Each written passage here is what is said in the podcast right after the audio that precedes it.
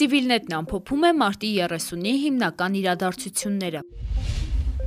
Սահմանադրական դատարանը հրապարակել է Ռոբերտ Քոչարյանի եւ Առաջինատյանի դատարանի դիմումի հիման վրա կայացրած որոշումը։ Դատարանը անվավեր է ճանաչել քրեական օրենսգրքի 300.1 հոդվածը, այսպիսով բավարարելով դիմումը։ Դատարանն իր իրավական դիրքորոշման մեջ նախ անդրադառնում է իրավական ակտերի հետադարձ ուժով գործողությանը, մեջբերելով 2011-ի նոյեմբերի 29-ի ՍԴՕ 1000 որոշումից հատվածներ։ Սահմանադրական դատարանն արձանագրում է, որ իրավական ակտերի հետադարձ ուժով գործողության մերժումն ընդհանուր կանոն է, իսկ այս ակտերի հետադարձ ուժով գործողության հնարավորությունը բացառություն ընդհանուր կանոնից։ Այս մոտեցումը բխում է իրավական որոշակիության, օրենսդրության նկատմամբ լեգիտիմ ակնկալիքների, մարդու իրավունքների երաշխավորման, իրավակիրառ մարմինների կողմից կամայականությունների կանխարգելման նկատառումներից։ Անդրադառնալով իրավական որոշակիության սկզբունքին սահմանադրական դատարանը հողում է արել իր նախկին որոշումներին, ըստ որոնց որևէ իրավական նորմ չի կարող համարվել օրենք, եթե ձևակերպված չէ բավարար աստիճանի հստակությամբ։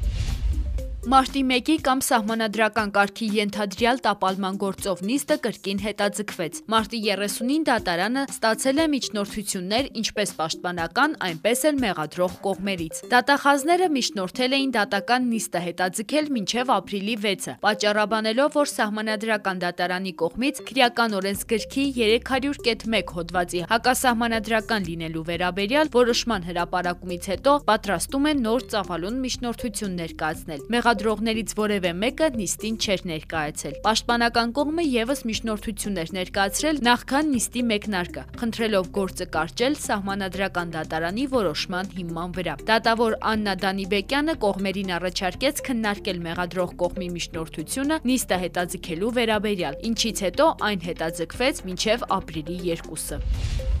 Արցախի քնչական կոմիտեում վարույթ է ընդունվել Holo Trust-ի կողմից թուրքական հատուկ ծառայություններին Արցախի ականապատված տարածքների քարտեզը փոխանցելու արդիվ հարուցված քրգործը։ Այս մասին է հայտնում Արցախի քնչական կոմիտեն։ Քնչական կոմիտեից տեղեկացնում են, որ դեպքի բոլոր հանգամանքները բարձելու ուղղությամբ իրականացվում են անհրաժեշտ քնչական եւ դատավարական գործողություններ։ Արցախի նախագահի հատուկ հանձնարարություններով ներկայացուցիչ Բորիս Ավակյանն էր 24 News-ին հայտնել, որ բրիտանական Holo Trust ընկերությունը թուրքական հատուկ ծառայություններին է փոխանցել Արցախում արկա ականապատված տարածքների քարտեզը։ Արցախում ականազերծման աշխատանքներով զբաղվող Holo Trust ընկերությունը հերքել էր դուրերը։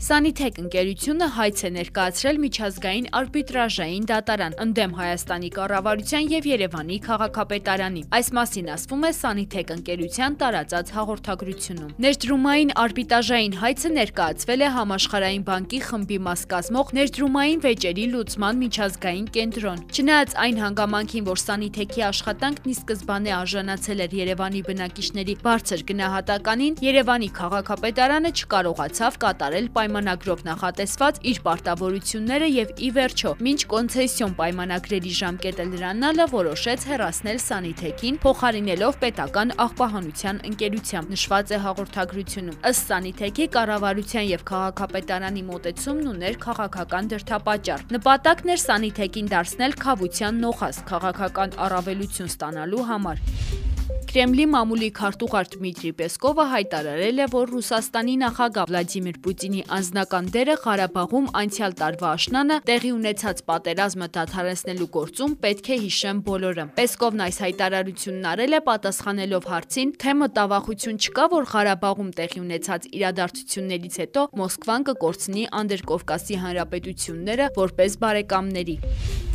Կորոնավիրուսով վարակված եւ թեստի դրական պատասխան ունեցող 149 քաղաքացի սպասում է հոսպիտալացման իր հերթին։ Այս մասին Facebook-ի իր էջում գրել է առողջապահության փոխնախարար Գևորգ Սիմոնյանը։ Առողջապահության նախարարության հիվանդությունների վերահսկման եւ կանխարգելման ազգային կենտրոնի գլխավոր տնօրենի տեղակալ իմունականխարգելման ազգային ծրագրերի ղեկավար Գայանե Սահակյանը մարտի 29-ին կայացած ասուլիսի ժամանակ հայտարարել էր, որ Հայաստանում համաճարակային վիճակը կտրուկ վատթարացել է։ Կորոնավիրուսով հիվանդների համար նախատեսված մահճակալային ֆոնդը գրեթե սպառվում է։ Հայաստանում մարտի 30-ի դրությամբ կատարվել է 4658 թեստավորում, որից հաստատվել է կորոնավիրուսի 750 նոր դեպք, այսինքն դրական է թեստերի 16.1%-ը։